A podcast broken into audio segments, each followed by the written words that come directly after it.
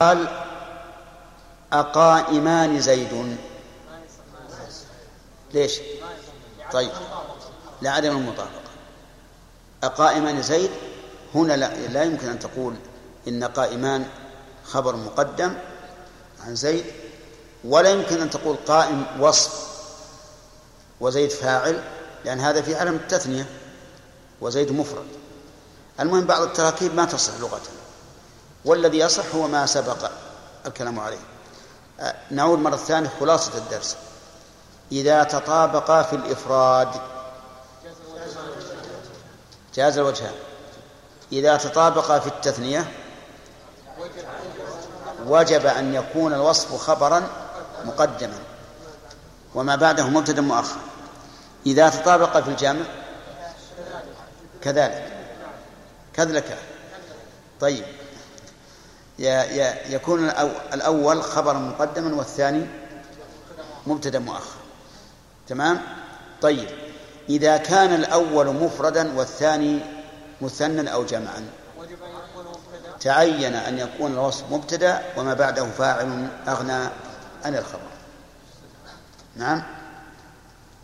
أما إذا كان الأول مفردا والثاني جمعا أو مثنى فهذا يتعين أن يكون الوصف مبتدأ وما بعده خبر إلا إذا كان الوصف مما يسوي فيه المذكر والمؤنث فيجوز فيه فيه الوجهان. ولنرجع إلى كلام مالك يقول والثاني مبتدا وذا الوصف يعني وهذا الوصف. فذا اسم إشارة والوصف نعت أو بدل أو عطف بيان نعم. خبر خبر ذا. يعني يكون الثاني مبتدا ويكون هذا الوصف خبرا إن في سوى الإفراد طبقا استقر. ما الذي سوى الإفراد؟ التثنية والجمع. يعني إن استقر مطابقا في سوى في سوى الإفراد فإن فإن الثاني يكون مبتدأ ويكون الوصف خبرا إلا على لغة البراغيث. ها؟ لغة البراغيث يقول يجوز إذا تساوى في غير الإفراد إذا تطابق في غير الإفراد يجوز أن تجعل الوصف مبتدأ وما بعده خبر. فاعل أغنى عن الخبر وما بعده فاعل أغنى عن الخبر. أما على لغة سائر العرب فيقولون هنا لا يجوز أن يكون الوصف مبتدأ بل يجب أن يكون الوصف خبرا. مقدما كما قال والثاني مبتدأ وذا الوصف خبر. البراغيث يقول يقول الرجل أكلوني البراغيث. والصواب؟ يعني ما الصواب؟ اللغة لغة العرب غير هذه اللغة؟ أكلني البراغيث. طيب. ويقول أقائمون الرجال فيجعل الرجال فاعل. لو تكون البراغيث وأما العرب بقيتهم يقولون لا. قائمون وصف خبر مقدم والرجال مبتدا مؤخر والفرق أن علامة التثنية والجمع تلحق العامل على لغة البراغيث ولا تلحقه على اللغة الكثيرة المشهورة عند العرب. هذا هذا هذا الفرق.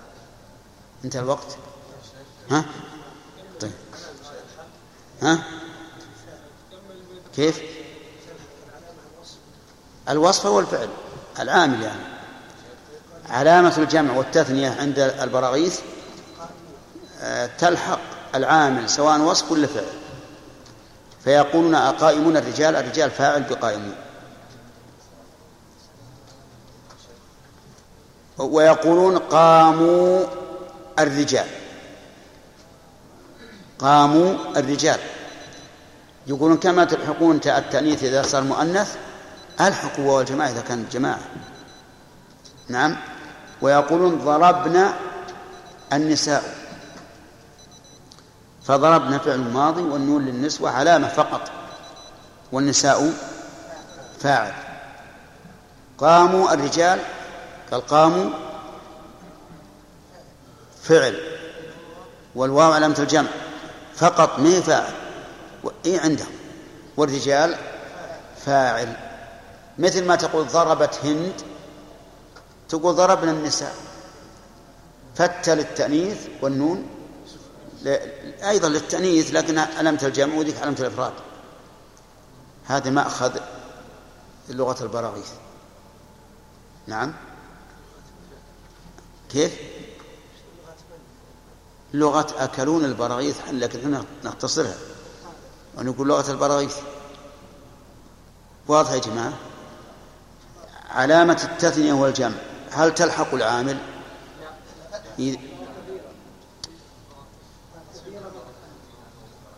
اللغة المشهورة عند العرب لا تلحق. ولغة أكلوه البريث تلحق. هذا هذا الفاصل. في شيء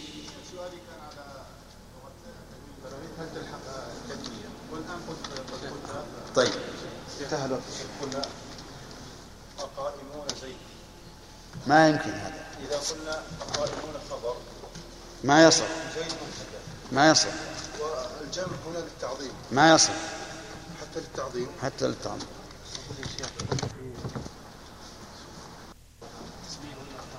لا قراءة ما قال المؤلف رحمه الله تعالى ورفعه مبتدأ للابتداء إذا تركت خبر بمبتدا والخبر الجزء يتم الفائده الله الرب والايادي شاهدة. مفردا يأتي ويأتي الجمله حاوية المعنى الذي صفت له وإن تكن إياه معنى اكتفى. بها كنف الله حسبي وكفى. بس وكفى بسم الله الرحمن الرحيم. الحمد لله رب العالمين. وصلى الله وسلم على نبينا محمد وعلى آله وأصحابه أجمعين. يشترط للاكتفاء بمرفوع المبتدأ عن الخبر. إيش؟ أن يكون المبتدا صفه ويعتمد على استفهام أو نفي. أو نفي. طيب. متى يتعين أن يكون الوصف مبتدأ والمرفوع فاعلا أغنى عن الخبر؟ ناصر.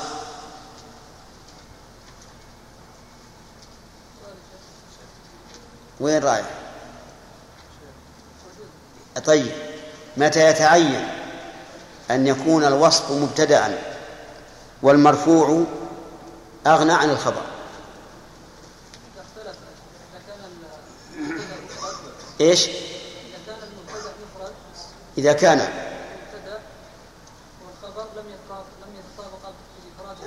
إذا كان المبتدأ مفردا والخبر مثنى أو جمع أو جمع. صحيح؟ طيب تمام. ومتى يجوز الوجهان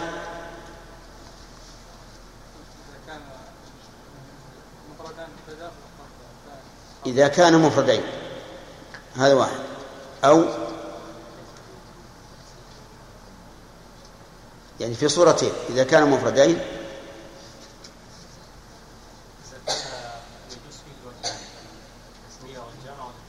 كيف؟ إذا كان فيه يجوز.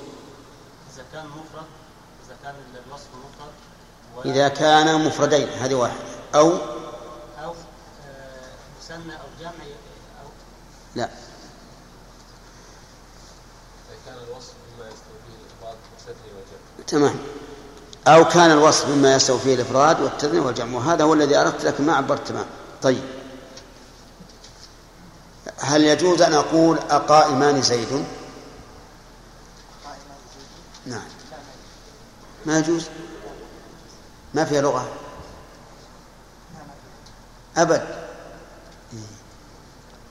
وش تقولون صحيح. ما في. طيب.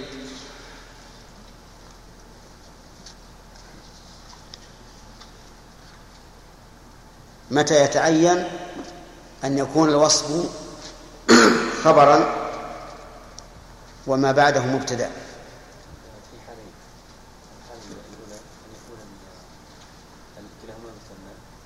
نعم.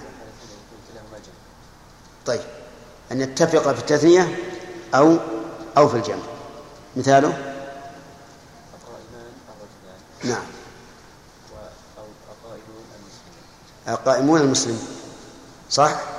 قائمان الرجلان هنا يتعين أن يكون قائمان خبر مقدما وأن يكون ما بعده مبتدا مؤخر. وقائمون المسلمون كذلك.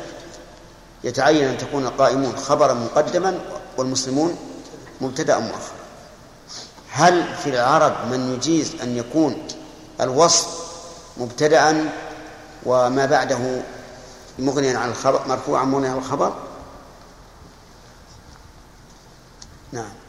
عباس؟ نعم على لغة أكاديمية البلاغيس أي على لغة أكرم البراغيث على هذه اللغة يجوزونها فيجعلون مثلا أقائمون الزيدون قائمون مبتدأ والواو علامة الجمع فقط والزيدون فاعل أغنى عن الخبر. الحمد لله. ثم قال المؤلف ورفعوا مبتدأ بالابتداء. بين المؤلف في هذا البيت بأي شيء رفع المبتدأ؟ لأننا لا نجد عاملا لفظيا تقدمه فعمل به أو عاملا لفظيا تأخر عنه فعمل به. قام زيد نعرف إن زيد مرفوع بإيش؟ بقامة واضح. لكن زيد قائم بأي شيء ارتفع زيد. قال إنه مرفوع بالابتداء يعني لكوننا ابتدأنا به استحق أن يكون مرفوعا. فالعامل فيه إذن معنوي وليس لفظيا.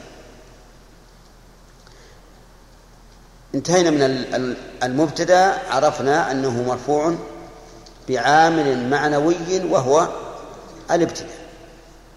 بماذا ارتفع الخبر؟ قال كذاك رفع خبر بالمبتدا. الخبر مرفوع بعامل لفظي وهو المبتدا. عرفت؟ اذن عامل المبتدا معنوي وعامل الخبر لفظي.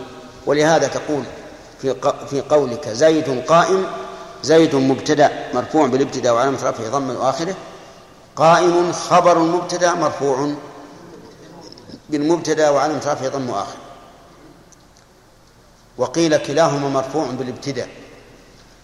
وقيل كل واحد منهما رفع الآخر. وفي هذا يقول ابن مالك في الكافية وقال أهل الكوفة الجزآن قد ترافعا وذا ضعيف المستند. قال أهل الكوفة الجزآن ترافعا كل واحد رفع الثاني وذا ضعيف مستند والخلاف في الواقع لا فائدة منه. المهم أن نعرف أن المبتدأ مرفوع وأن الخبر مرفوع وأنه لو جاء إنسان وقال زيدا قائم قلنا خطأ أو قال زيد قائما قلنا خطأ يجب أن رفعهما أما بماذا ارتفع؟ إيش وش الفائدة؟ وهل العربي حين قال زيد قائم كان يخطر بذهنه أن زيدا ارتفع لأنه ابتدأ به؟ نعم ما نظن هذا الله أعلم. ولهذا نقول هذا الخلاف لا طائل تحته. ولكن يفعله العلماء للتمرين تمرين العقول. لماذا ارتفع هذا ولماذا ارتفع هذا؟ نحن نقول نحن نقول رفع أحدهما الآخر أو ارتفع بالابتداء أو هذا بالابتداء وهذا بالمبتدأ ما, ما يهم. المهم أن نعرف أنهما مرفوعان. ثم قال المؤلف الخبر الجزء المتم الفائدة. ها؟ كيف؟ والخبر. والخبر الجزء المتم الفائدة. طيب المبتدأ ما ما عرفه. هل عرف المبتدأ؟ لا.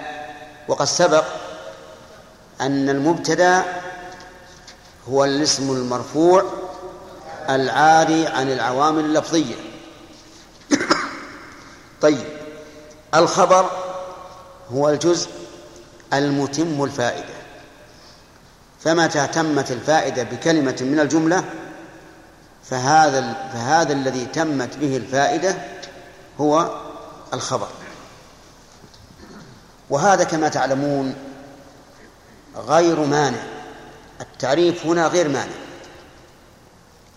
لأنه يدخل فيه غير المعرف. فإنك إذا قلت قام زيد فزيد متم للفائدة ومع ذلك ليس بخبر بالاتفاق. وإذا قلت إن قام زيد قام عمرو فإن قام عمرو تتم به الفائدة ومع ذلك ليس خبرا فالتعريف غير غير مانع لأنه يدخل فيه غير المعرف فيكون التعريف هنا قاصرا. لكن ربما يعتذر عن ابن مالك رحمه الله بأنه أتى بمثال وقيد به هذا المطلق. كالله بر. فيكون قولك كالله بر من تمام التعريف. يعني كأنه قال المتم الفائدة كإتمام بر في قولك الله بر وشاهدة في قولك الأيادي شاهدة ويكون هذا التمثيل قبل تمام التعريف فيكون من جملة التعريف. وبهذا يزول الإشكال الذي أوردناه على تعريف التعريف الأول.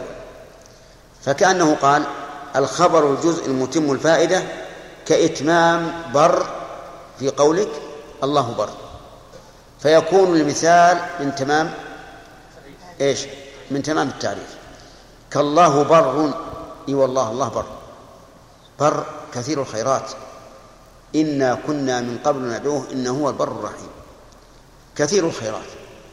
وما بكم من نعمة فمن الله. وإن تعدوا نعمة الله لا تحصوها. الله بر وهذا لا شك متفق عليه. وله شاهد. الأيادي شاهدة. الأيادي جمع أيد وهي النعمة. أو جمع يد. جمع يد أيد وجمع أيد أيادي إذن هي جمع الجمع. الأيادي النعم. شاهدة بماذا؟ بأن الله بر. وهذا المثال من أحسن الأمثلة. الله بر والأيادي شاهدة. أحصي نعمة الله عليك ما تستطيع. من أكبر نعمة الله عليك النفس. كم تتنفس في الدقيقة؟ نعم. الدكتور رشاد موجود؟ نعم. خمسة وعشرين. خمسة وعشرين مرة في الدقيقة الواحدة تتنفس. اضرب خمسة وعشرين في ستين بالساعة. ثم الساعات اثنى عشر وهل مجرى؟ ما تحصل مع أن النفس من أكبر النعم ولا يعرف قدر نعمة الله بالنفس إلا من ابتلي بحبس النفس والعياذ بالله. الأيادي شاهدة. الأيادي شاهدة. طيب هذا مثال ابن مالك رحمه الله بالألفية. مثال ابن هشام قال كالله ربنا ومحمد نبينا. إجابة سؤالين. من أسئلة القبر. من ربك؟ ربي الله. من نبيك؟ محمد. شوف العلماء العلماء الأفذاذ حتى أمثلتهم فيها خير فائدة نعم. ابن مالك أعطانا مثال. كثرة نعم الله والدليل عليها.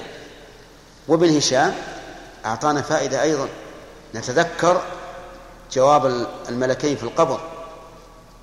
الله ربنا ومحمد نبينا وكلاهما صحيح.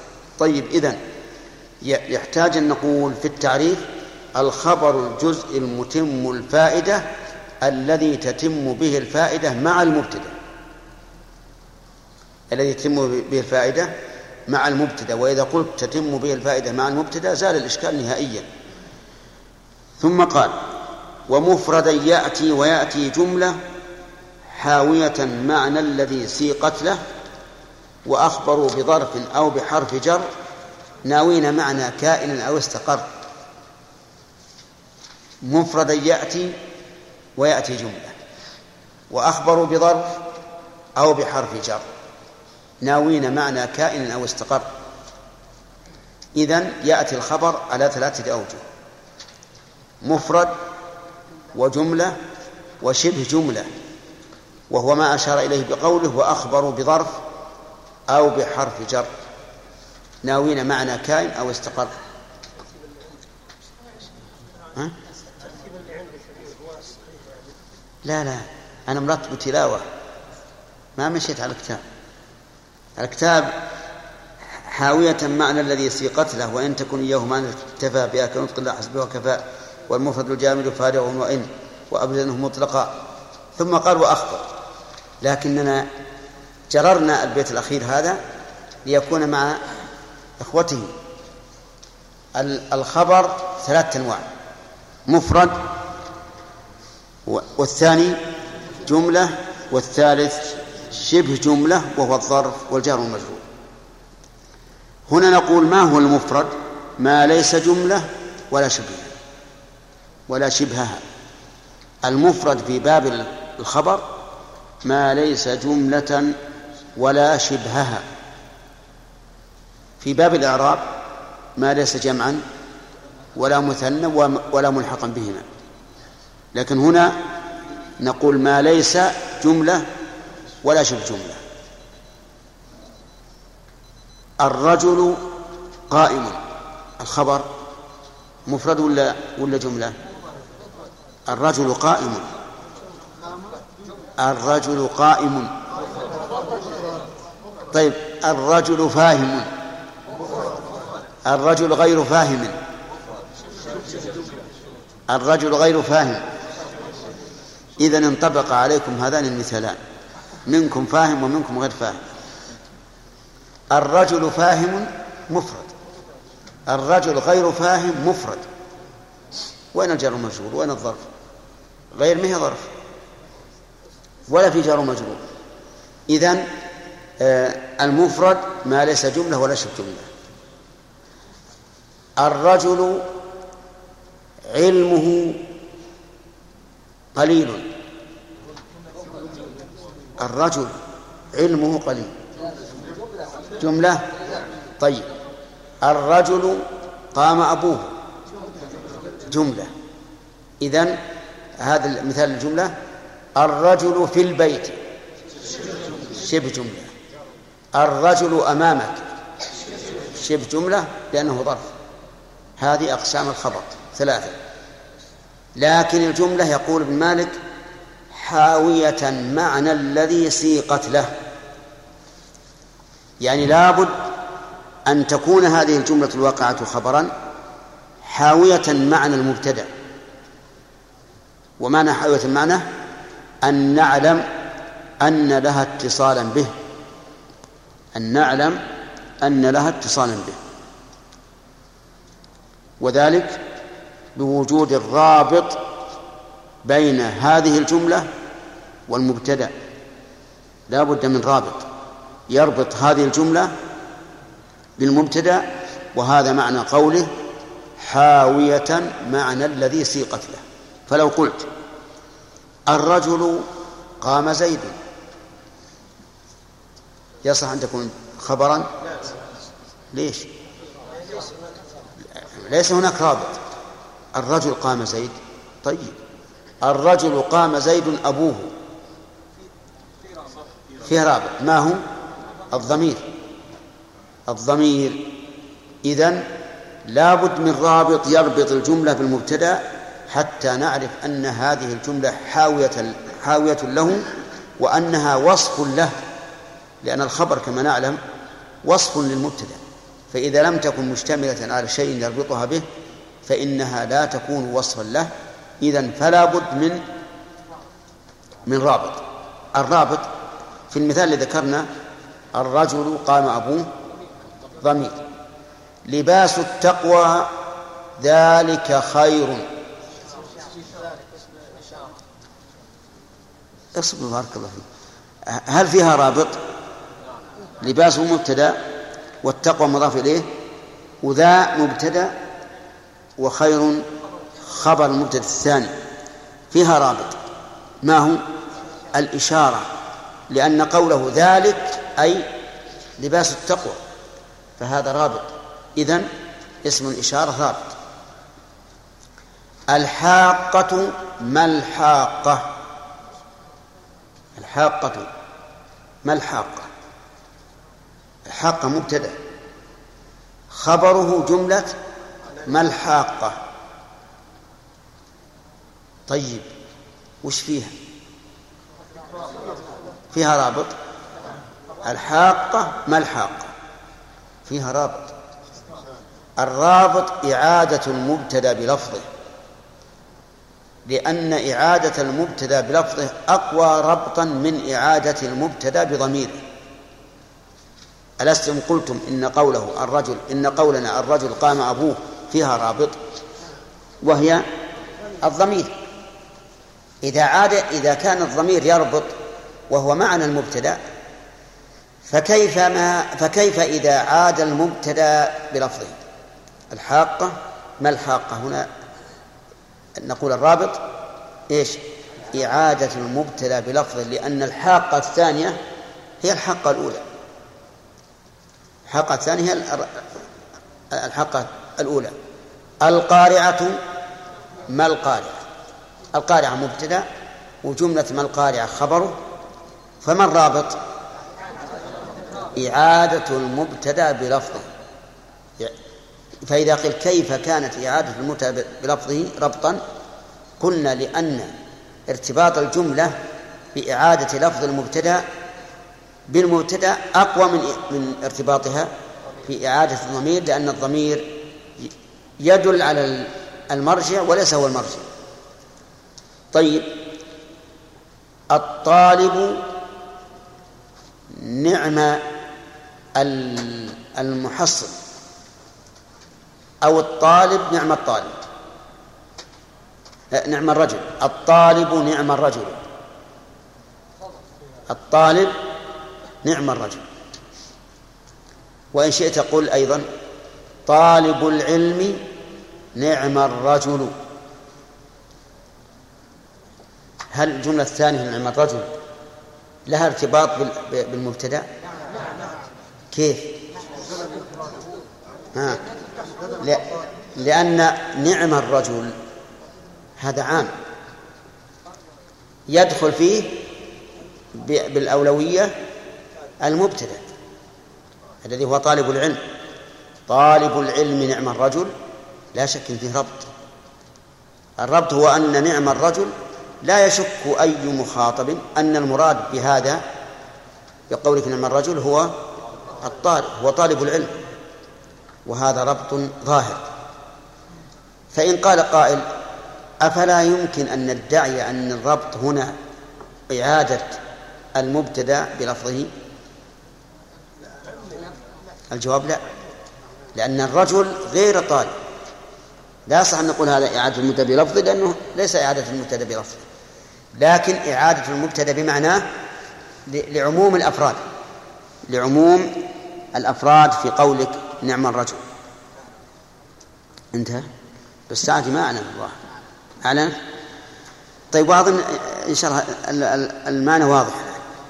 فصارت الروابط الآن أربعة الضمير والإشارة وإعادة المبتدأ بلفظه وبالعموم.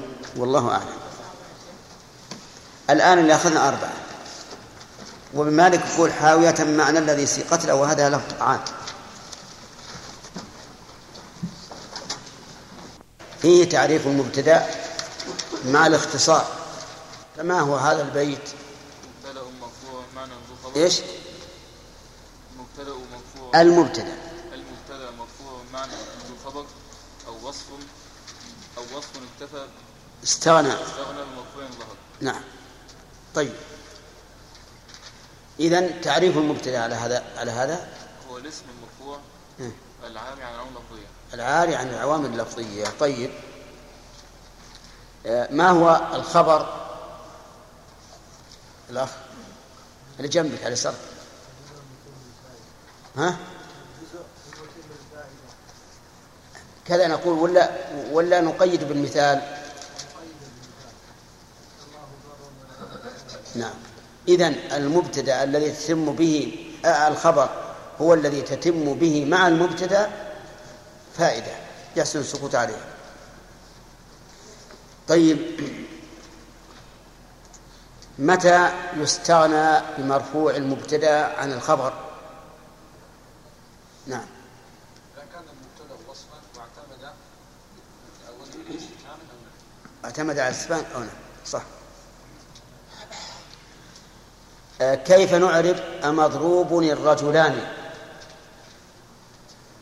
نعم الهمزة الاستفهام ومضروب آه، مبتدأ نعم آه، مرفوع بضمة ظاهرة على الكلم والرجلان نائب فاعل سد آه، أغنى عن الخبر نائب فاعل مرفوع والمترفع آه،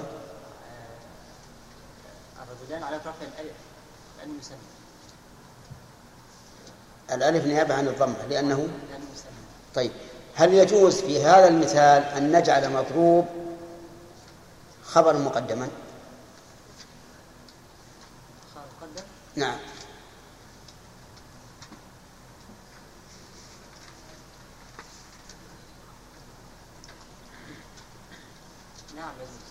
يجوز. لأن مضروب يستوي فيها ال- الإفراد والتثنية مطلوب يصير في المذك... آه، آه، المثنى. ما يتتساوى مع خبير بنو لهب بنو لهب.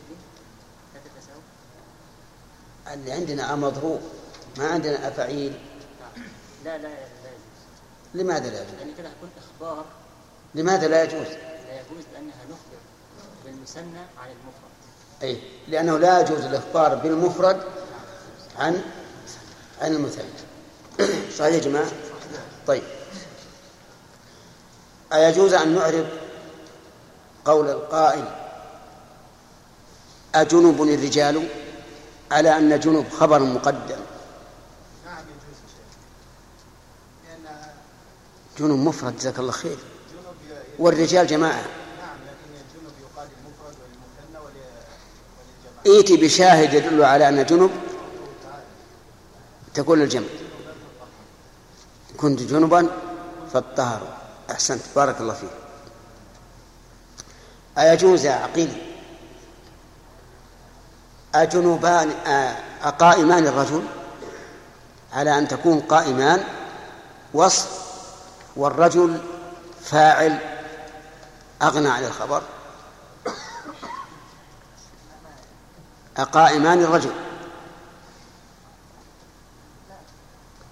لا يجوز. ولا, على لغة كلون البراغيث عجيب.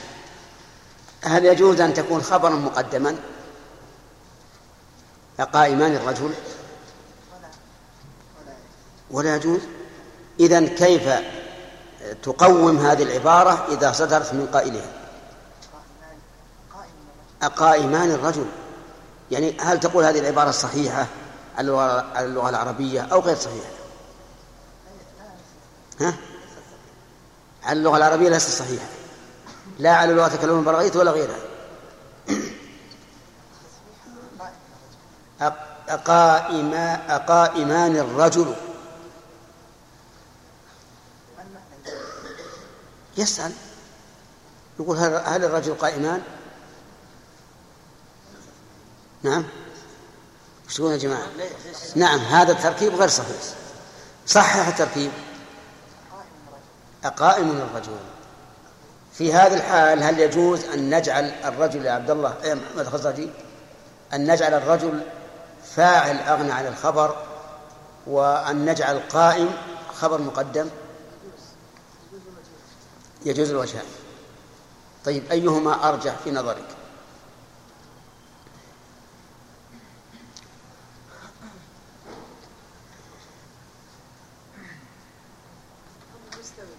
نعم. بن داود أن الأول هو والثاني هو إي نعم. في في فيرجح أن يكون قائم مبتدا والرجل فاعل أغنى عن الخبر ل- لأجل أن نحافظ على الترتيب.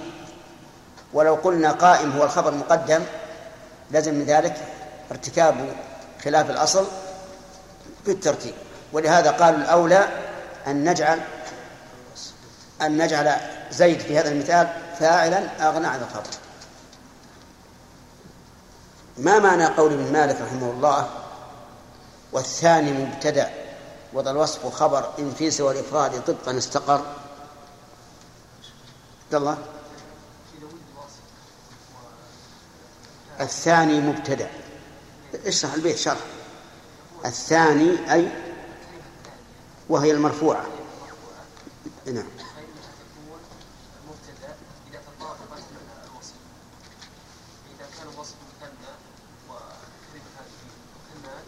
إن تطابقا في غير الإفراد وهو ما هو اللغة؟ ها؟ التثنية والجمع نعم فإن فإن الكلمة الثانية تكون مبتدأ والوصف خبر مثل قائمان زيد يكون الثاني مبتدأ والوصف خبر. إذا تطابقا في غير الإفراد صح؟ مثاله. الإفراد مثل الإفراد. لا في غير الإفراد مثل قائمان زيدان قائمان الزيدان. قائمون زيدان القائمون الزيدون. طيب. وهذا باتفاق العرب يا عمر.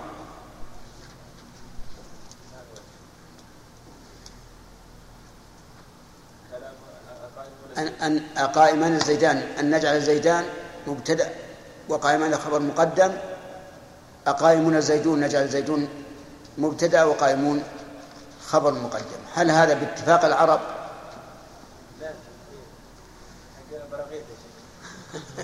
ها؟ أي يعني على لغة كون البراغيث يجوز أن تكون أن يكون الأول مبتدأ والثاني فاعل أغنى عن الخبر. صح ذكر ال- ال- الشارح اختلاف العلماء في رافع المبتدا ورافع الخبر فماذا نقول في هذا الخلاف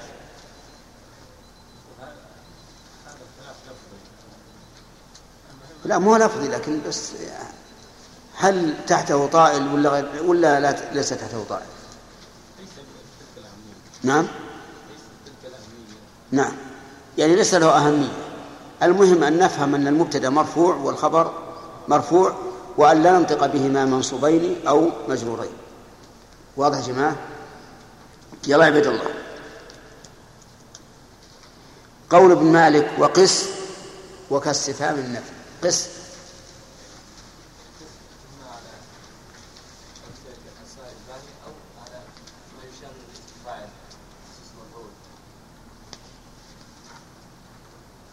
صحيح يا جماعة؟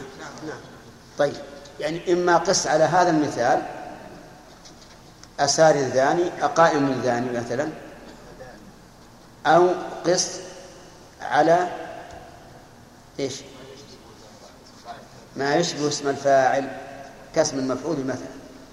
طيب وقوله وكاستفهام للنفي. المراد بالنفي الحرف أو الحرف والفعل والاسم. والاسم مثاله في الحرف. نعم.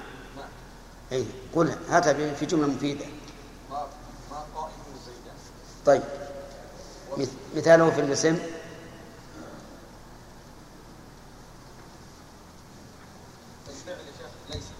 طيب ما يخالف.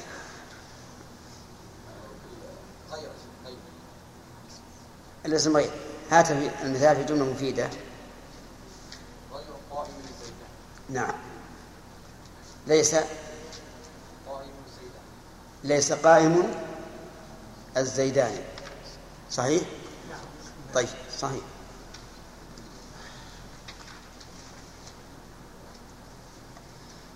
ما معنى قول ابن مالك وقد يجوز نحو فائز أولي الرشد يا خالد؟ حامد يعني إذا كان الوصف من همزة الاستفهام أو النفي يجوز فيه أيضا أن يكون الوصف مبتدأ يعني يجوز أن يستغني الوصف بمرفوعه دون دون أن يعتمد على الاستفهام أو نفي. كذا؟ طيب. هل يمكن أن تأتي لنا بشاهد من كلام العرب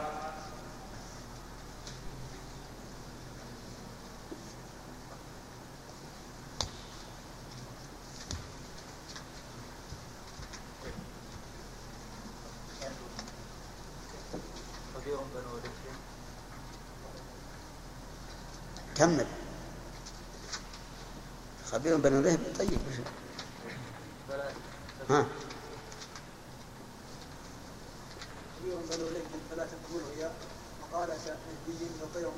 نعم. خبير بنو لهب فلا تكن ملغيا مقالة لهبي إذا الطير مرته آه، ما وجه كون هذا وصفا مكتفيا بمرفوعه بدون اعتماد؟ أفلا يجوز أن يقول قائل إن خبيرا خبر مقدم وبنو لهب مبتدا مؤخر؟ نعم. هذا اللي عندك خبر بنو لهب. لا يمكن أن يكون خبرا مقدما ليش؟ لأن الوصف مفرد وبنو لهب جمع.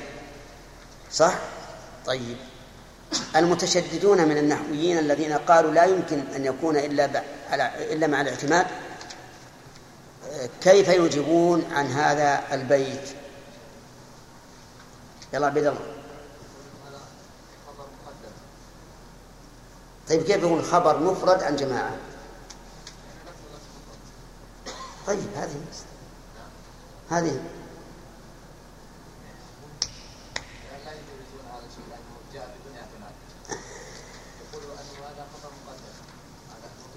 نقول لهم كيف يكون خبرا مقدما وهو مفرد؟ عن جمع اي بنو الجمع.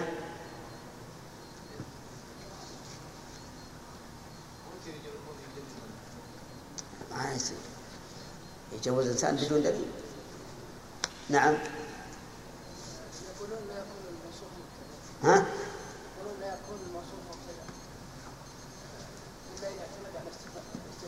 إيه ما يخالف لكن كيف يجيبون عن هذا البيت؟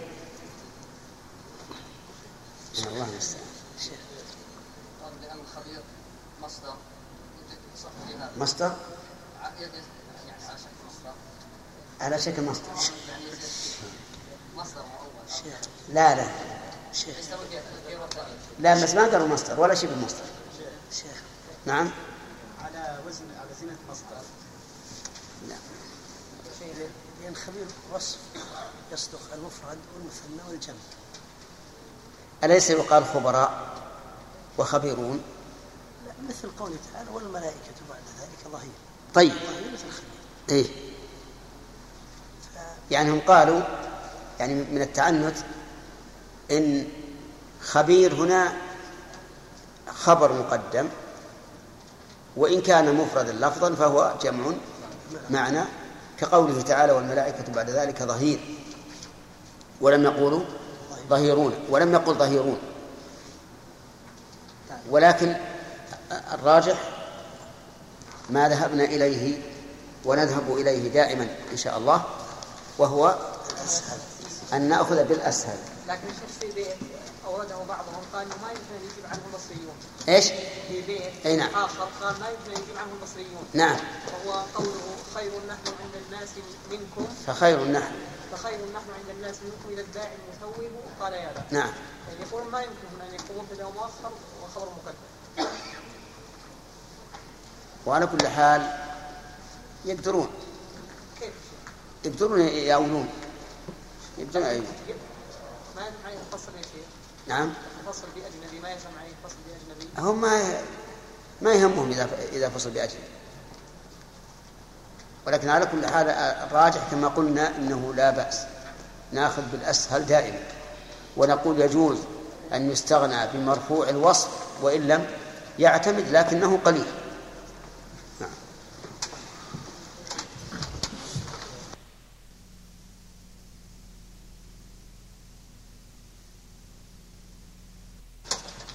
قال رحمه الله تعالى في باب الابتداء ومفردا يأتي ويأتي جملة حاوية معنى الذي سيقت له وإن تكن إياه معنى اكتفى بها كنطق الله حسبي وكفى.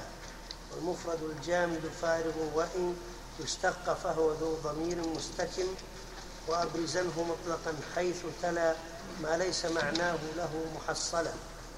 وأخبروا بظرف أو بحرف جر ناوين معنى كائن أو استقر. ولا يكون اسم زمان خبرا عن جثة وإن يفد فأخبره بسم الله الرحمن الرحيم الحمد لله رب العالمين وصلى الله وسلم على نبينا محمد وعلى آله وأصحابه ومن تبعهم بإحسان إلى يوم الدين. سبق لنا أن الخبر يأتي مفردا ويأتي جملة فما المراد بالمفرد؟ نعم. طيب ما ليس جملة ولا شبه. طيب الرجلان قائمان هل الخبر مفرد أو غير مفرد هنا؟ قائمان. اثنين. ليس جملة ولا شبه تمام. وسبق لنا أنه لا بد أن تكون هذه الجملة لها ارتباط بالمبتدأ. من أين تؤخذ من كلام المالك؟ من قوله حاوية معنى الذي سيقت له. تمام. طيب. الروابط بن داود نعم. نعم. بلفظه. واسم الإشارة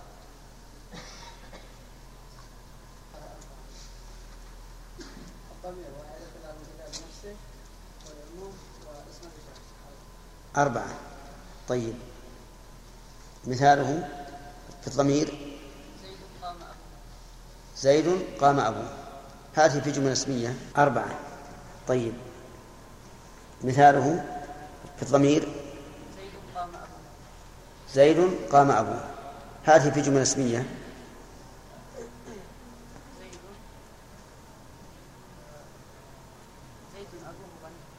زيد أبوه قائم تمام.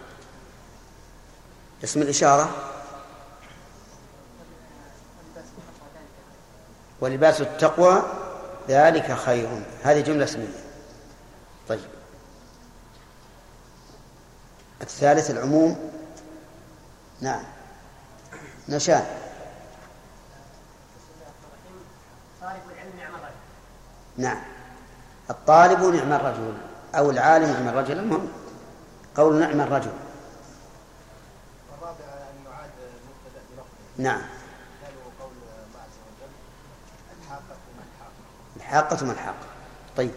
وهذا في الغالب يأتي في مقام التفخيم وربما يأتي في غير مقام التفخيم. ربما يقول لك إنسان يسأل يقول زيد ما زيد؟ نعم. على كل حال ال- الروابط أربعة. ثم قال وهو مبتدأ درس الليلة وإن تكن إياه معنى اكتفى بها. وإن تكن الضمير يعود على الجملة التي أخبر بها عن المبتدأ. إياه أي المبتدأ. معنى أي في المعنى. اكتفى بها أي بدون رابط. اكتفى بالجملة فقط بدون رابط. يعني معنى ذلك أنه إذا كانت الجملة هي معنى المبتدأ. هي معنى المبتدأ فإنه يكتفى بها عن الرابط. مثاله كنطق الله حسبي. فنطق هذه مبتدأ نطق مبتدأ مرفوع بالابتداء وعلامة رفعه ضمة مقدرة على ما قبل ياء المتكلم منع من ظهورها اشتغال المحل بحركة المناسبة ونطق مضاف والياء مضاف إليه مبني السكون في محل جر والله مبتدأ ثاني وحسبي مبتدأ ثاني مرفوع بالابتداء وعلامة رفعه ضمة ظاهرة في آخره وحسبي خبر المبتدأ الثاني. مرفوع بضمة مقدرة على ما قبل ياء المتكلم منع من ظهورها اشتغال المحل بحركة المناسبة وحسب مضاف ولا مضاف إليه مبني على السكون في محل جر. والجملة من المبتدأ الثاني وخبره في محل رفع خبر المبتدأ الأول. فإذا قال لك قائل أين الرابط؟ أقول لا حاجة لرابط هنا. لأن الجملة هذه هي معنى المبتدأ. فإذا قيل هل هناك ضابط يقربها قلنا نعم الضابط الضابط لذلك هو أن تحل محل اسم الإشارة. أن أن تحل محل اسم الإشارة. فإذا حلت محل اسم الإشارة فصارت هي معنى المبتدأ. فمثلا نطقي الله حسبي. احذف الله حسبي. تقول نطقي هذا. نطقي هذا. يعني هذا القول. فإذا كان يحل محل اسم الإشارة فهذا معنى فهذا يعني أن هذه الجملة هي معنى المبتدأ فلا تحتاج إلى إلى رابط. على أن من المعربين من قال إن هذه مفرد وليس جملة. يعني ليس هذا من باب الإخبار بالجملة بل هو من باب الإخبار بالمفرد. لماذا؟ لأن هذه الجملة أريد لفظها. أريد لفظها. وبناء على هذا القول نقول في قوله الله حسبي نطقي الله حسبي نطق مبتدا والله حسبي كلها خبر مبتدا. مرفوع بضمة مقدرة على آخره منع من ظهورها إيش؟ الحكاية. منع من ظهورها الحكاية. وهذا الحقيقة وهذا هو, الواقع. لأن لأن قولك نطقي الله حسبي. يعني أن نطق مبتدأ والله حسبي الخبر. فهي جملة واحدة في الحقيقة. ونظير ذلك ما سبق لنا عند أول الألفية. وهو قال محمد بن قال محمد هو ابن مالك أحمد رب الله خير مالك. قلنا إن أحمد ما هي مقول قول؟ من أحمد إلى آخر حرف في الألف في الألفية كله مقول القول. في محل نصب مقول القول. فصار إذا كانت الجملة الواقعة خبرا هي معنى المبتدأ فإنها لا تحتاج إلى رابط وضابطها أن يحل محلها اسم الإشارة. هذا ما ذهب إليه المؤلف وإعرابها على ما ذهب إليه المؤلف أن نقول نطق مبتدأ والله مبتدأ ثاني وحسبي خبر المبتدأ الثاني والجملة خبر المبتدأ الأول. وقلنا إن بعض المعربين يقول لا حاجة إلى أن نعرب الثاني جملة مستقلة بل نقول الثانية هي خبر المبتدأ برمتها مرفوعة بالمبتدأ وعلامة رفعها ضمة مقدرة على آخره منع من ظهورها الحكاية. وهذا القول كما عرفتم أسهل. طيب خير ما قلت في الحديث الصحيح خير ما قلت وأنا والنبيون من قبلي لا إله إلا الله. خير ما قلت أنا والنبيون من قبلي لا إله إلا الله. فخير مبتدأ وهو مضاف إلى ما الموصولة يعني خير الذي قلت. ثم الإعراب الإعراب الباقي واضح. نعم.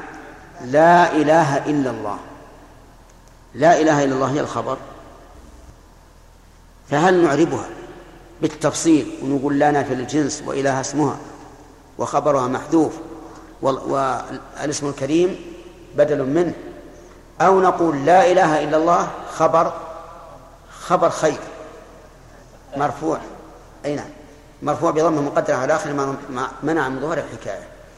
على رأي ابن مالك وأكثر النحويين على الأول ولا على الثاني؟ على الأول. وعلى الرأي الثاني يقول ما حاجة نقدر ولا حاجة نعرف الثاني جملة. نقول هو واقع هو مقول القول وجملته تعرب على أن أنها حكيت ولكنها هي الخبر وهذا لا شك أنه أسهل هذا أسهل. والخلاصة الآن إذا وقعت الجملة خبرا فلا بد لها من رابط يربطها بإيش؟ بالمبتدأ والروابط أربعة الضمير واسم الإشارة وإعادة المبتدأ بلفظه والعموم. وإذا كانت الجملة هي معنى المبتدأ فإنها لا تحتاج إلى رابط لأن المقصود بالرابط وصل الخبر بالمبتدأ وإذا كان الخبر هو نفس المبتدأ هو نفس المبتدأ فلا حاجة إلى الربط. ولكن هل نقول هل نعرب الجملة هذه تفصيلا ونقول هي مبتدا وخبر والجملة من المبتدأ والخبر خبر المبتدأ الأول أو نقول هي كلها برمتها خبر مرفوعة بضمة مقدرة على آخرها من ظهرها الحكاية على قولين للعلماء. الأول هو المشهور والثاني ذهب إليه بعض المعربين وهو أسهل. وكما قلنا لكم من أول أن اتباع الأسهل أسهل. طيب. ثم انتقل المؤلف إلى الخبر المفرد. هل يتحمل ضميرا؟ يرجع على المبتدأ كما قلنا في الجملة إذا وقعت خبرا لا بد من أن تتضمن ضميرا أو ما يقوم مقام الضمير. فهل مثل ذلك إذا كان مفردا يقول المؤلف المفرد الجامد فارغ لا كفى هذه تتمة البيت؟ نعم. تتمة البيت. وكفى ما لا دخل في الجملة. الله حسبي انتهت الجملة. وكفى يعني هو كاف إذا من, يت... من يتوكل الله فهو حسبه. المفرد الجامد فارغ. الجامد ما هو؟ ما ليس بمشتق لأنه قال وإن يشتق فهو ذو ضمير مستكن. المفرد الجامد يعني الخبر إذا كان مفردا جامدا فهو فارغ. فارغ من إيش؟ فارغ من الضمير بدليل قوله وإن يشتق فهو ذو ضمير مستكن وقد انتقد أو أورد إشكالا بعض بعض الناس على كلام ابن مالك في قوله فارغ قال فارغ من إيش؟ ما في بيان فنقول فيه بيان لأنه لما جاء ما جاء بقسيمه وإن اشتق فهو ذو ضمير عرفنا أن المراد بقوله فارغ من من الضمير وإن يشتق فهو ذو ضمير. وهذا الضمير لا بد أن يكون مستكنا أي مستترا وجوبا. فهو ذو ضمير مستكن أي مستتر وجوبا. ولنضرب لهذا أمثلة. زيد رجل جامد. إذا ليس فيه ضمير. كذا؟ ليس فيه ضمير. لماذا؟ لأنه غير مشتق. زيد أخوك. في ضمير ولا لا؟ ما في ضمير. لأنه جامد. الجامد المشتق. الجامد ما ليس بمشتق. أخوك منين مشتق؟ ها؟ غير مشتق. طيب. زيد أسد. ها؟ جامد. الأسد جامد. زيد بحر. جامد. طيب. آه، زيد مفتاح كل خير. لا. هذا مشتق لكنه لا يتحمل ضميرا صحيح مشتق من الفتح لكن لا يتحمل الضمير. فلهذا المشتق اسم الفاعل واسم المفعول وصفة المشبهة.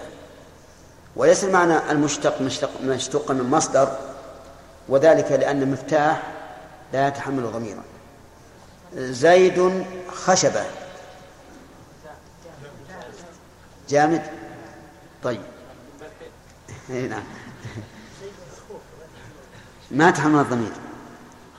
الكاف هذه ما هي ضمير ما هي بضمير الآية.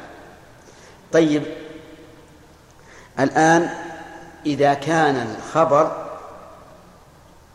مشتقا فلا بد أن يتحمل الضمير. الضمير مستتر وجوبا. إذا كان خبر غير مشتق فإنه فارغ لا يتحمل الضمير. وقال بعضهم إنه يتحمل الضمير مطلقا. وأن قولك زيد أخوك أي زيد منسوب إليك. فيؤولون الأخوة إلى مشتق. زيد أسد يقولون التقدير زيد شجاع. والشجاع مشتق من الشجاعة. لكن ما مشى عليه المؤلف أقرب إلى الصواب لأن ذاك لأن ذاك فيه شيء من التكلف. فنقول الآن. إذا كان الخبر مفردا جامدا فإنه لا يتحمل الضمير. إذا كان مشتقا فإنه يتحمل ضمير يقول الناس فلان قرطاس. قرطاس. ما تقولون فيه؟ قرطاس؟ جامد. منين مشتق لا لا. لا هذه جامد. لكن على رأي من يرى إنه يؤول يمكن بمعنى المشتق. القرطاس عندهم قرطاس في الفرجة. تعرفون الفرجة؟ الدريشة اللي في الجدار. فتحة. القرطاسة في الفرجة خفيفة الهواء يلعبها كذا. فإذا رأوا إنسان ليس له يعني ليس له اتزان وليس له قول ثابت قالوا فلان قرطاسة فرجة يعني ليس له ثبات. أي نعم. وكذلك فلان باب خيش يعني لا يمنع أحدا طيب على كل حال إن يشتق فهو ذو ضمير مستكن أي مستتر وجوبا. إلى هنا الأمر واضح. وبارد وسهل. لكن وأبرزنه مطلقا حيث تلا ما ليس معناه له محصلا نبدأ ولا نخلي الدرس القادم. طيب. نعم.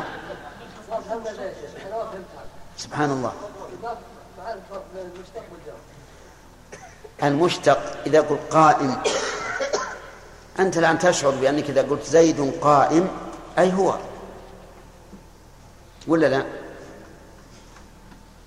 آه، زيد مضروب. أي هو. زيد أفضل من عمرو أفضل أي هو. لا لا. رجل أصلا رجل ما تحمل ضمير. إذا قلت قام رجل اترك زيد. قام رجل هل فيها ضمير؟ تحمل ضمير ولا لا؟ قام رجل بس. طيب. قام الضارب. تحمل ضمير ولا لا؟ اي هو الضارب لكن فيها هو. تشعر بأن فيها ضمير يعود على الضرب. يعني مو على الضرب على من قام به الضرب. هذا ضابط معروف. اسم الفاعل واسم المفعول والصفة المشبهة. هذا مشتق. فقط. نعم.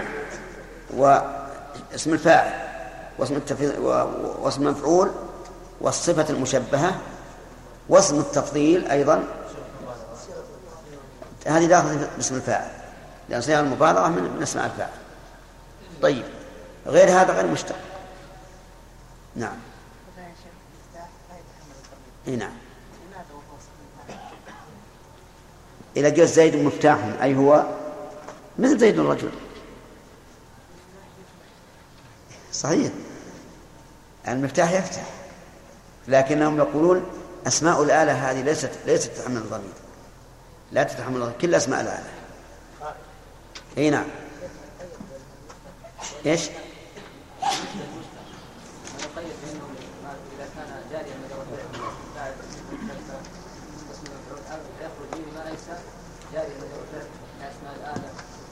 لا اسماء الآلة صحيح.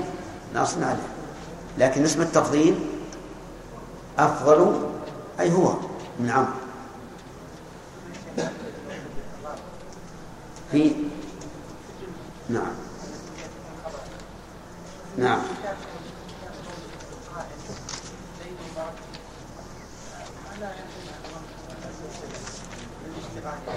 كيف؟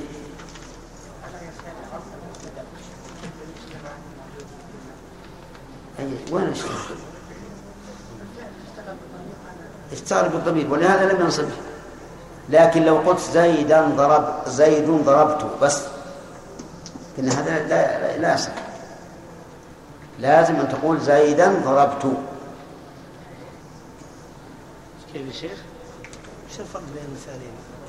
إذا قال زيدا ضربته جاز فيه وجهان الرفع وهو الأفضل وهو الأحسن والنصب. أما إذا قال زيدا ضربت وجب النصب لأن الفعل لم لا, لا لم يأخذ مع مفعوله شيخ المصدر لما لم المشتقات؟ نعم. لأنه ما ما يتحمل الضمير. لأن أصلا ما- المصدر مشتق منه. ليس هو المشتق. مشتق منه. نعم لو فرضنا أننا جعلنا المصدر بمنزلة اسم الفاعل بأن نقول زيد عدل فهنا قد يتحمل الضمير. نعم.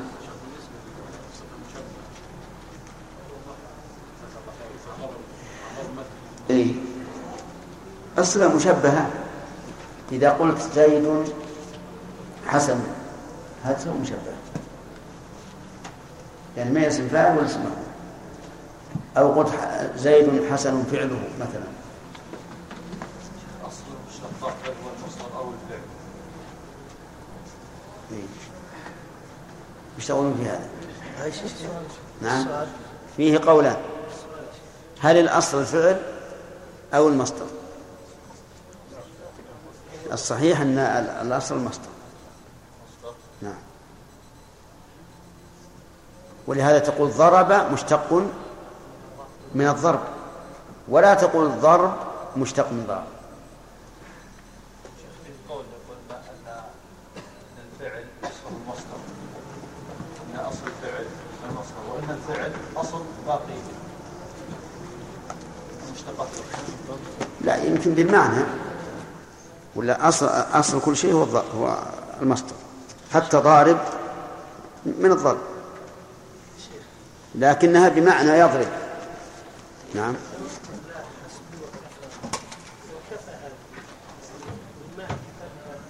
ما لا دخل في في الجملة. لا لا. نطقي الله حسبي اي أي نعم لكن ما لا دخل يعني. لو لو حذفناها استقام الكلام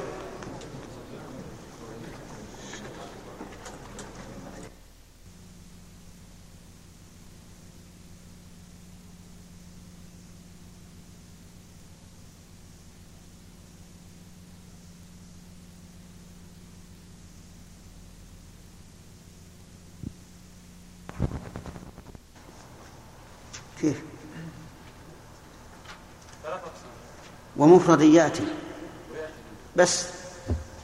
الغير مؤلف ينقسم إلى قسمين فقط. عرفت؟ نحن قسمناه إلى ثلاثة أقسام لكن المؤلف يرى أنه قسمان. طيب. إلى مفرد وإيش؟ لا. على رأي المؤلف. فقط. طيب. الجملة تنقسم؟ جملة اسمية وفعلية. ما الذي يجب أن يكون في هذه الجملة؟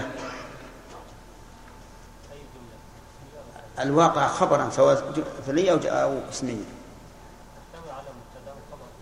سبحان الله. على رابط. على رابط يربطها بإيش؟ بالمبتدا. الروابط كم؟ بندر. وهي. مثاله زيد زيد معطوف له زيد معطوف له زيد قام أبوه زيد قام أبوه. أين الضمير؟ أين الضمير؟ الضمير في أبوه. والثاني؟ مثاله؟ أين اسم الإشارة؟ نعم. والثالث؟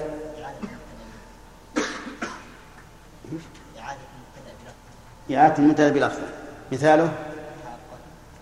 طيب. وهل يشترط أن يكون للتفخيم لا يشترط. مثاله للتفخيم ولغيره. زين طيب. الرابع.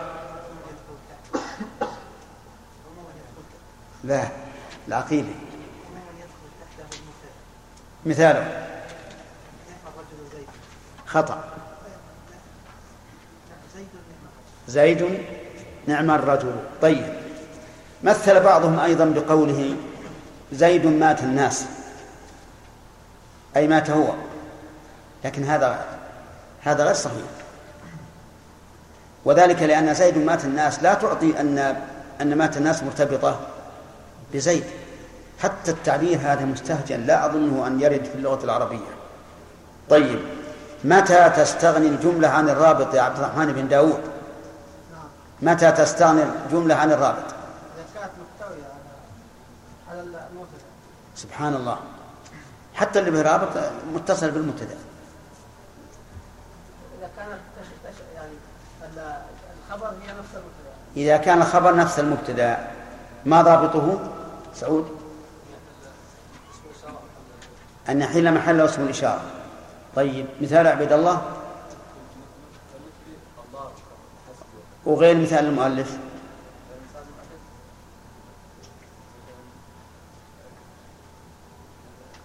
قال لا اله الا الله فقولي لا اله الا الله إيش؟ قولي لا إله إلا الله. قولي لا إله إلا الله طيب خير ما قلت أنا والنبيون من قبلي لا إله إلا الله. طيب هل في الأخ هل هناك نقاش في أنه إذا كان الخبر هو عين المبتدأ هل هناك نقاش في أن نقول هنا الخبر ليس جملة؟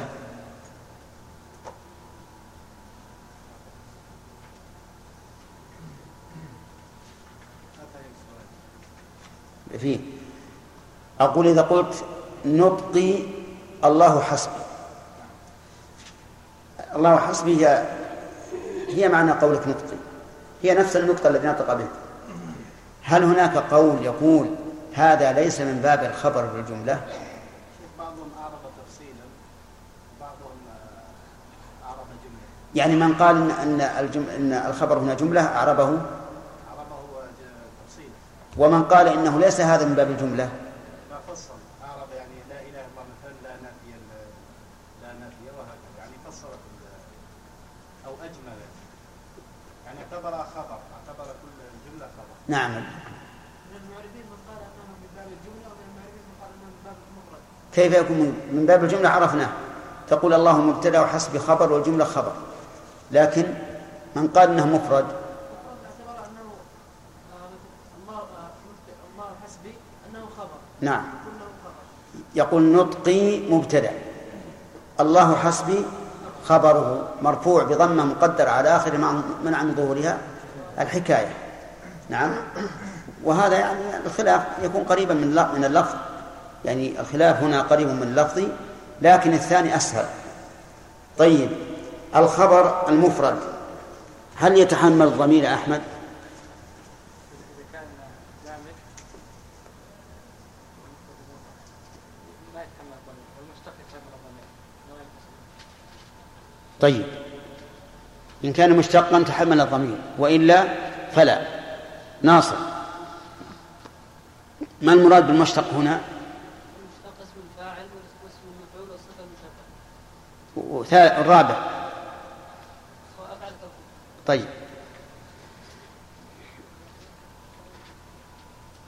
إذا قلت زيد أسد هل يتحمل الضمير؟ لماذا؟ لأن أسد جامد. زيد حجر. ليش؟ جامد. سعد. آه زيد ثعلب. ها؟ تحمل الضمير؟ لماذا؟ لأنه جامد. طيب.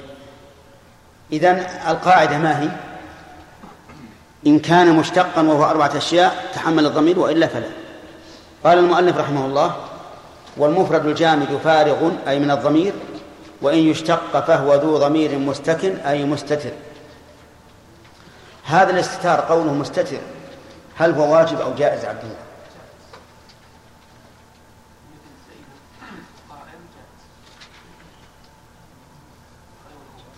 كيف يقول ذو ضمير مستكن؟ اي مستتر ظاهر كلامه إنه واجب. لا تقول مهوب أو أليس كل واحد؟ مهوب أصلا ما هو بي ما هو بكذا. مهوب كذا يعني ما هو بكذا. طيب لكن كلام ابن مالك قوة كلامه ذو ضمير مستكن. وش يدل عليه؟ الوجوب وهو كذلك. يعني لا يجوز أن تقول زيد قائم هو. لو قلت قائم هو قلنا هو ليس هو الفاعل. هو توكيد للضمير المستتر طيب. عرفنا أنه يكون المشتق متحمل لضمير استمر يلا. مستتر وجوبا. طيب. هل يجب إخراجه؟ يقول المؤلف وأبرزنه مطلقا. هذا مبتدأ درس الليلة. وأبرزنه مطلقا. أبرزنه الضمير يعود على الضمير المستكن مطلقا. الإطلاق يقول العلماء يفهم معناه من قيد سابق أو قيد لاحق. فإذا قلت أكرم زيدا إن اجتهد وعمرا مطلقا. إيش معنى مطلقا؟ يعني اجتهد أو لم يجتهد.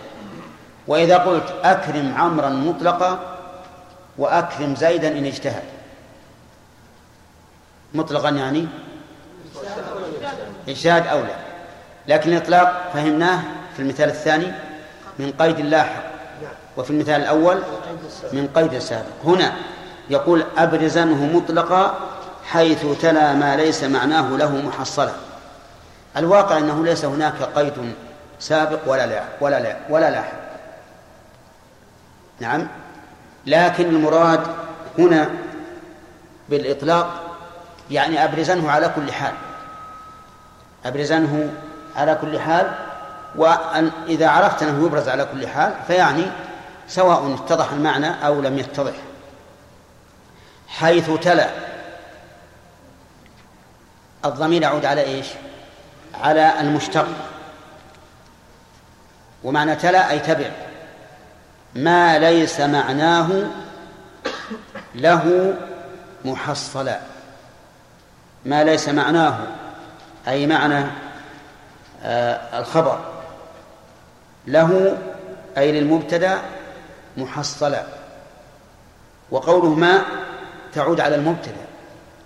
ولهذا يمكن أن لا نعربها موصولا أن نعربها على أنها نكرة موصوفة. يعني أبرزنه أبرز الضمير المستتر في الخبر مطلقا حيث تلا الخبر مبتدأ ليس معنى الخبر للمبتدأ محصلا نعم إيه. في تشديد في تشديد ضمائر ولهذا يعتبر هذا البيت بعيدا من البلاغة يعني ليس فيه بلاغة أبرزنه الضمير يعود على إيش؟ الضمير المستتر حيث تلا أي تبع ما أي مبتدأ. ليس معناه أي معنى الخبر. له أي للمبتدأ. شوف الضمائر متشتته محصلة أي مدركا به. يعني معنى أن الوصف إذا تلا ما إذا تلا المبتدأ وهو لا يعود معناه عليه فإنه يجب أن يبرز الضمير. مثاله زيد زيد عمرو ضاربه عمرو ضاربه. ضارب خبر عن إيش؟ زيد عمرو ضاربه. عن عمرو. إذا اقتصرنا على هذا زيد عمرو ضاربه ما في إشكال تمت الجملة. والوصف الآن الذي هو الخبر تبع ما ليس له ولا ما, ما ليس أو لا؟ ما ليس له. الوصف الذي هو ضاربه وهو خبر عمر تبع ما هو له. فالمتصف بالضرب هو عمر. لكن إذا أردت أن الضارب زيد إذا أردت أن تخبر أن الضارب زيد فقل زيد عمرو ضاربه إذا قلت ضاربه مو عمر زيد هو الضارب. يجب أن تقول ضاربه هو. ضاربه هو. ليش؟ لأن الوصف الآن تلا ما ليس معناه له. فلما تلا ما ليس معناه له وجب أن يبرز الضمير. فالضارب في في قولك زيد عمرو ضاربه هو. زيد. زيد عمرو ضاربه عمر. فزيد في الجملة الثانية زيد عمرو ضاربه زيد في الجملة الثانية مضروب. وزيد في قولك زيد عمرو ضاربه هو ضارب. فهذا هو هذا هو الحكم. يعني أنه إذا تلا المسألة سهلة ما هي صعبة اتركوا بيت ابن مالك. يعني إذا كان الوصف خبرا لما لا يعود معناه إليه وجب إبراز الضمير. هذا القاعدة. إذا كان الوصف خبرا لما لا يعود معناه إليه وجب إيش؟ إبراز الضمير. مطلقا. مطلقا. طيب. زيد هند ضاربها. يجب إبراز الضمير إذا كنت أريد أن يا ناس لا تستعجلون. إذا يجب إبراز الضمير إذا كنت أريد أن أن زيد هو الضارب. ابن مالك يقول مطلقا. ابن مالك يقول مطلقا. ونحن نريد الآن أن نقرر ما قال ابن مالك. على رأي ابن مالك زيد ضارب هند ضاربها هو. يجب. يجب. ليش؟ لأنه قال أبرزنه مطلقا. أبرزنه مطلقا. كلام معقول؟ طيب. وذهب بعض النحويين إلى أنه لا يجب إبرازه إلا إذا خيف اللبس بحيث لا ندري من الضارب أو إذا كان يوهم خلاف المقصود. وعلى هذا فإذا قلت زيد عمرو ضاربها. عمرو آه نعم زيد هند زيد هند ضاربها. لا يجب على القول الثاني الذي يفصل بين احتمال اللبس وعدمه يقول إنك إذا قلت زيد هند ضاربها لا يحتاج إلى إبراز الضمير. كذا ولا لا؟ لأن هنا ضارب ما فيه التأنيث. فإذا لم يكن فيه التأنيث وهند مؤنثة وزيد مذكر يعود على إيش؟ على زيد ولا على هند؟ على زيد المذكر. فهنا نعرف أن الضارب هو زيد مع أن الخبر الآن جار على ما ليس له. لأن الضرب مو واقع من هند واقع من زيد. لكن لما كان المعنى واضحا لم نحتج إلى إبراز الضمير. وهذا القول هو القول الراجع بناء على إيش؟ بناء على القاعدة النحوية القوية وهي أنه متى دار الأمر بين التسير والتعسير فعليك بالتيسير. طيب. إذا إذا قلت زيد هند ضاربها فقط فهل أنا مخطئ على مذهب مالك أو لا؟ على مذهب مالك مخطئ. لأن الواجب أن أقول ضاربه ضاربها هو. طيب هل أنا مخطئ على القول الراجح؟ لا لأن المعنى واضح صريح. أن الضرب واقع من زيد. طيب لو قلت زيد هند ضاربته يحتاج أن أقول هي؟ على مذهب مالك.